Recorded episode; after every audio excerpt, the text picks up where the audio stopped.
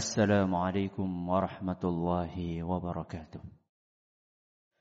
الحمد لله الذي جعل جنات الفردوس لعباده المؤمنين نزلا ونوع لهم الأعمال الصالحة ليتخذوا منها إلى تلك الجنات سبلا. ونشهد أن لا إله إلا الله وحده لا شريك له. خلق الموت والحياة ليبلوكم أيكم أحسن عملا.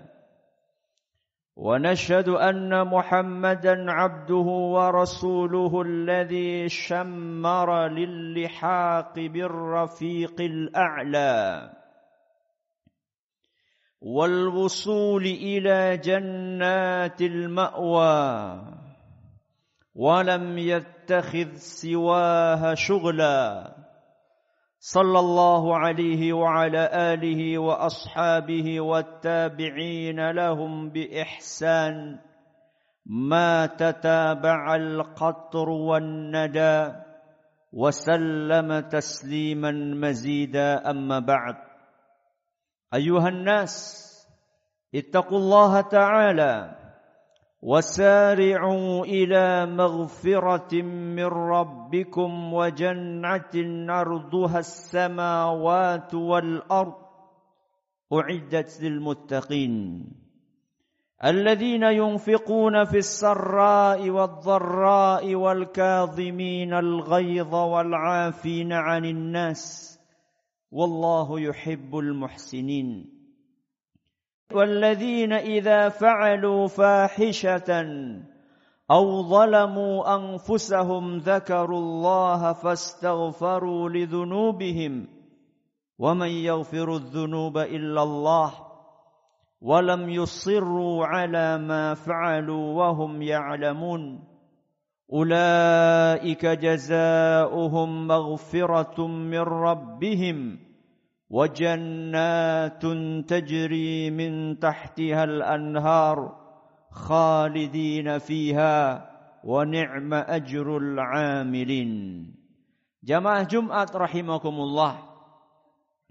Marilah kita tingkatkan ketakwaan kita kepada Allah Subhanahu wa taala dengan ketakwaan yang sebenar-benarnya Yaitu dengan mengamalkan apa yang diperintahkan oleh Allah Subhanahu wa taala dan oleh Rasulnya sallallahu alaihi wasallam serta menjauhi apa yang dilarang oleh Allah Azza wa Jal dan oleh Rasulnya sallallahu alaihi wa ala alihi wa sahbihi wasallam.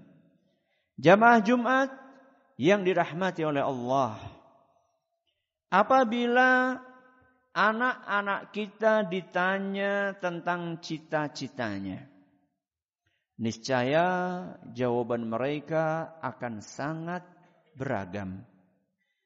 Ada yang ingin menjadi pilot, ada yang ingin menjadi dokter, ada yang ingin menjadi dosen, ada yang ingin menjadi jenderal, dan ada pula yang ingin menjadi bos perusahaan dan masih banyak cita-cita tinggi yang lainnya. Tidak heran apabila begitulah jawaban mereka. Sebab hampir setiap hari mereka selalu mendapatkan nasihat, "Nak, gantungkanlah cita-citamu setinggi langit." Akan tetapi, pernahkah kita mendidik anak-anak kita untuk memiliki cita-cita yang lebih tinggi. Cita-cita yang lebih tinggi dibandingkan berbagai cita-cita yang tadi kita dengarkan. Apa cita-cita yang tertinggi? Dan bagaimana pula jalan untuk meraih cita-cita tertinggi tersebut? Sebelum menjawab berbagai pertanyaan tadi, mari kita dengarkan sebuah kisah menarik berikut ini.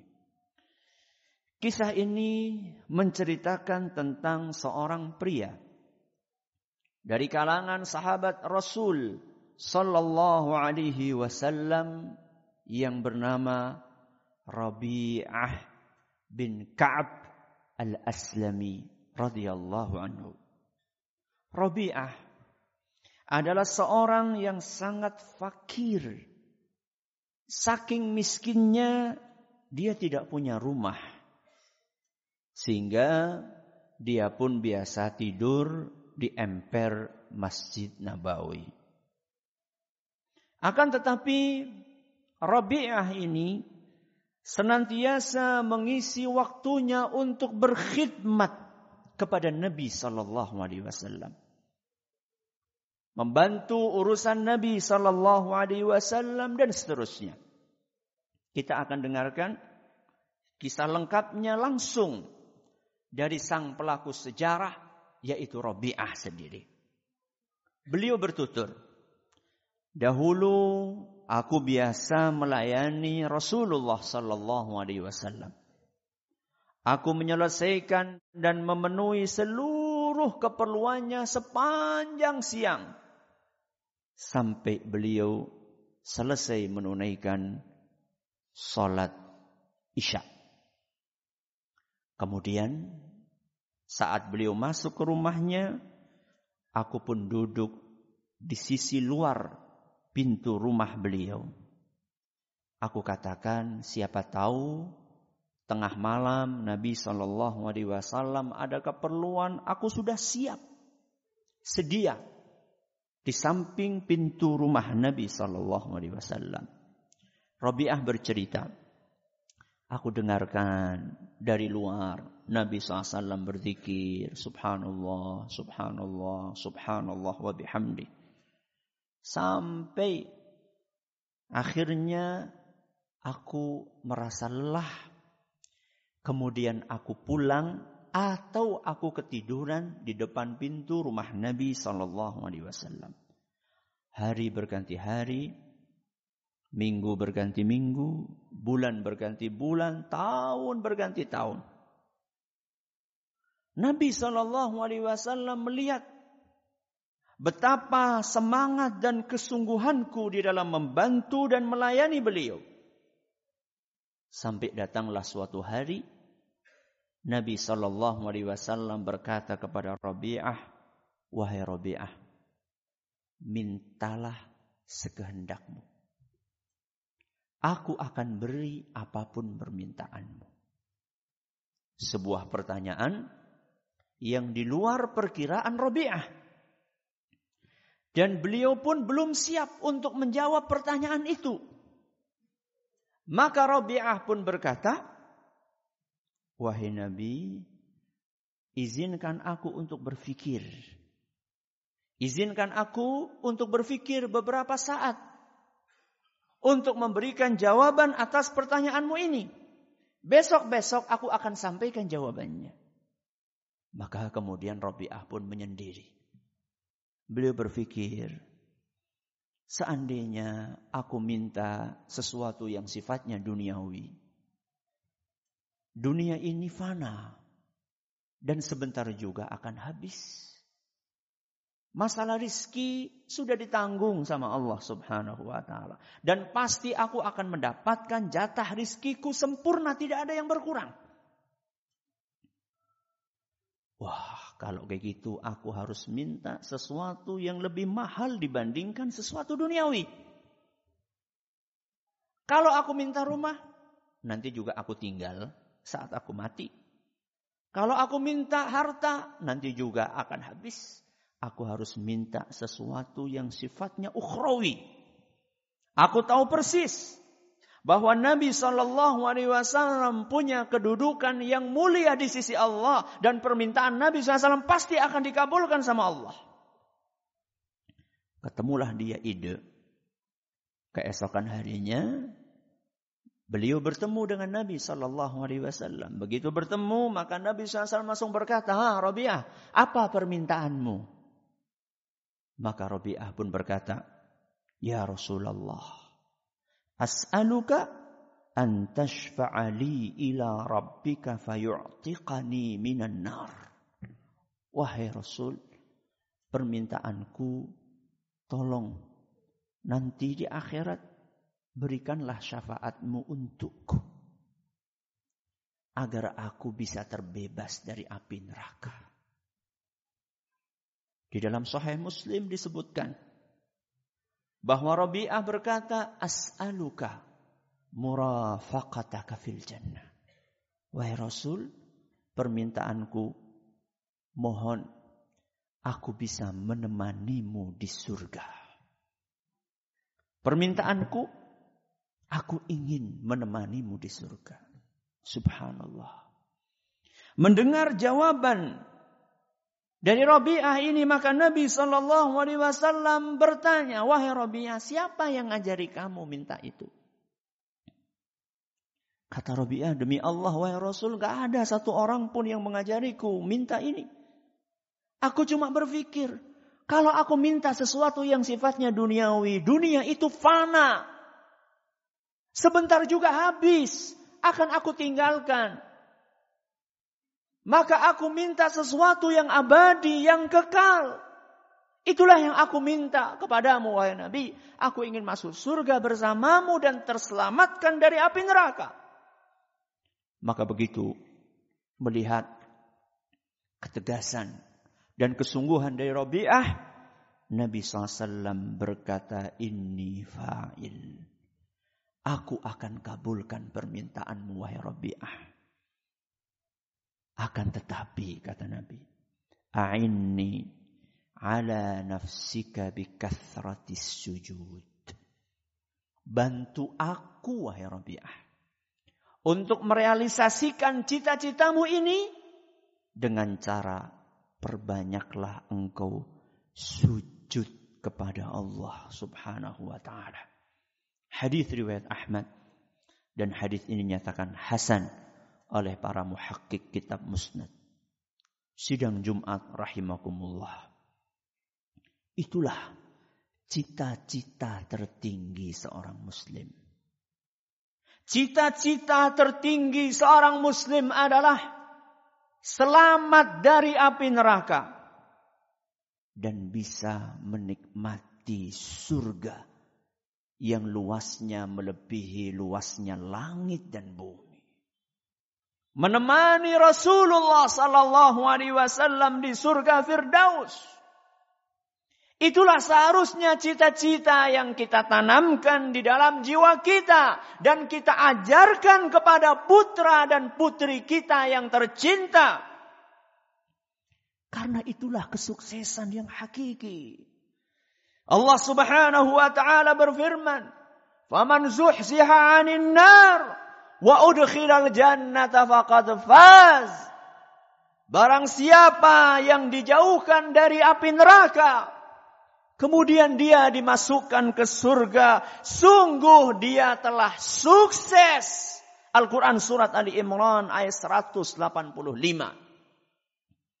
Adapun dunia yang kita tinggali saat ini. Ini adalah tempat untuk kita mengumpulkan bekal sebanyak-banyaknya untuk mengejar surga Allah. Watazawwadu fa inna khairaz taqwa. Kumpulkanlah bekal karena sesungguhnya sebaik-baik bekal adalah ketakwaan. Al-Quran Surat Al-Baqarah ayat 197. Kaum muslimin yang berbahagia. Surga adalah cita-cita yang tinggi, bahkan teramat tinggi. Setiap cita-cita yang tinggi pasti membutuhkan perjuangan yang maksimal dan pengorbanan total. Tidak ada cita-cita mulia yang bisa didapatkan dengan santai, berpangku tangan, dan duduk berleha-leha. Ala inna sil'atallahi ghaliyah. Ala inna sil'atallahil jannah. Ketahuilah bahwa sesuatu yang ditawarkan oleh Allah untuk kita adalah sesuatu yang mahal dan sesuatu itu adalah surga. Hadis riwayat Tirmidzi dan sanatnya dinyatakan sahih oleh Imam Al-Hakim. Karena itulah Ketika Rabi'ah radhiyallahu anhu mengungkapkan keinginannya kepada Rasul SAW ingin masuk surga. Dan bukan sembarang surga. Akan tetapi surga yang di dalamnya ada Rasul SAW. Ketika Rabi'ah mengungkapkan keinginannya tersebut. Tidak serta-merta Nabi SAW mengabulkan permintaan Rabi'ah. Akan tetapi Nabi SAW mengatakan, Fa'a'inni ala nafsika bikathratis sujud. Aku bisa untuk memenuhi permintaanmu akan tetapi bantu aku. Kamu harus berusaha. Usahanya adalah perbanyaklah sujud kepada Allah Subhanahu wa taala. Nasihat dari Nabi SAW ini mengajarkan kepada kita bahwa cita-cita mulia itu berbeda dengan angan-angan kosong belaka. Cita-cita itu membutuhkan pengorbanan. Sedangkan angan-angan kosong itu cuma bualan mimpi yang hanya ada di dalam benak dan tidak ada wujudnya di dalam alam nyata. Aku qawli hadha wa astaghfirullah li wa lakum wa li jami'il muslimin wal muslimat fastaghfiruhu innahu huwal ghafurur rahim. Alhamdulillah wahdah. Wassalatu wassalamu ala man la nabiyya ba'dah wa ala alihi wa sahbihi wa man ittaba hudah ila yaumil qiyamah amma ba'd. Jamaah Jumat rahimakumullah. Allah membantu kita untuk meraih cita-cita tertinggi tersebut. Allah membantu kita dengan membekali masing-masing dari kita potensi yang berbeda-beda. Tergantung apakah kita berhasil memanfaatkan potensi tersebut atau tidak. Sebagian orang dibekali oleh Allah potensi berupa kekayaan, berupa harta yang melimpah ruah. Maka beruntunglah orang-orang yang berhasil memanfaatkan kekayaannya untuk membeli surga Allah. Dia infakkan hartanya di jalan Allah untuk memakmurkan masjid, lembaga pendidikan Islam, majelis-majelis taklim, menyantuni anak yatim, membantu kaum fakir dan miskin. Inna Allah ashtara minal mu'minina anfusahum wa amwalahum bi anna lahumul jannah. Sesungguhnya Allah membeli Allah membeli dari orang-orang yang beriman nyawa mereka dan harta mereka. Kemudian Allah berikan kepada orang-orang yang beriman tersebut surga. Al-Quran surat At-Taubah ayat 111. Sebagian orang tidak dibekali oleh Allah berupa potensi kekayaan. Akan tetapi dia dibekali oleh Allah ilmu agama yang luas. Maka beruntunglah. Seandainya orang-orang tersebut selalu mensedekahkan ilmunya tanpa lelah. Siang dan malam tanpa bosan berdakwah mengajak umat manusia ke jalan Allah yang lurus sehingga ilmu tersebut mengalirkan pahala yang begitu deras kepada dia selama ilmu tersebut masih bermanfaat. Mandalla ala khairin falahu mithlu ajri fa'ilihi. Barang siapa yang mengajarkan kebaikan, maka dia akan mendapatkan pahala sebanyak orang yang mengamalkannya. Hadis riwayat Muslim. Ada sebagian orang tidak diberi oleh Allah potensi kekayaan, juga tidak diberi ilmu agama. Akan tetapi dia diberi oleh Allah amanah berupa jabatan. Dia diberi oleh Allah amanah berupa kekuasaan. Maka beruntunglah apabila dia memanfaatkan kekuasaan tersebut untuk mensejahterakan rakyatnya bukan hanya kesejahteraan jasmani, akan tetapi juga kesejahteraan rohani. Rasulullah sallallahu alaihi wasallam mengingatkan, "Kullukum ra'in wa kullukum mas'ulun an ra'iyatih." Masing-masing dari kalian adalah pemimpin dan semua akan ditanya tentang rakyatnya. Al-imamu ra'in wa huwa mas'ulun an ra'iyatih. Penguasa adalah pemimpin dan dia akan ditanya tentang rakyatnya. Hadis riwayat Bukhari dan Muslim. Ada orang harta tidak punya. Ilmu agama sedikit, kekuasaan juga tidak punya. Akan tetapi orang ini dibekali oleh Allah fisik yang sehat dan tenaga yang kuat. Beruntunglah orang-orang ini. Apabila dia memanfaatkan kelebihan fisiknya tersebut untuk beribadah dengan tekun. Berjuang membela agama Allah. Menolong orang-orang yang membutuhkan bantuan tenaganya. Imam Malik rahimahullah pernah berpesan, "Innallaha qasamal a'mala kama qasamal arzaq." Allah itu membagi-bagi amalan kepada manusia seperti Allah membagi rizki kepada mereka. Farubba rajulin futiha lahu fis salati wa lam yuftah lahu fis saum. Ada sebagian orang dia kuat untuk sholat sunnah lama. Tapi dia tidak kuat untuk puasa sunnah. Berarti pintu surga dia ada di dalam sholat. Wa akhar futiha lahu fis sadaqati wa lam yuftah lahu fis saum. Ada sebagian orang dia punya potensi kekayaan sehingga dia bisa rajin sedekah, sedekah, sedekah, sedekah. Akan tetapi dia tidak mampu puasa sunnah lama-lama. Berarti pintu surganya ada dalam sedekah wa akhar futiha fil jihad dan ada orang yang pintu surganya adalah lewat jihad berjuang di jalan Allah maka manfaatkanlah potensi kita masing-masing untuk mengejar surga Allah Subhanahu wa taala. Ala wa sallu wa sallimu rahimakumullah ala al-hadi al-bashir was-siraj al-munir kama amarakum bidhalika al-latiful khabir faqala fi muhkam at-tanzil inna Allah wa malaikatahu yusalluna ala an-nabi ya ayyuhalladhina amanu sallu alayhi wa sallimu taslima. Allahumma salli على محمد وعلى آل محمد كما صليت على إبراهيم وعلى آل إبراهيم. إنك حميد مجيد. اللهم بارك على محمد وعلى آل محمد كما باركت على إبراهيم وعلى آل إبراهيم. إنك حميد مجيد. ربنا ظلمنا أنفسنا وإن لم تغفر لنا وترحمنا لنكونن من الخاسرين.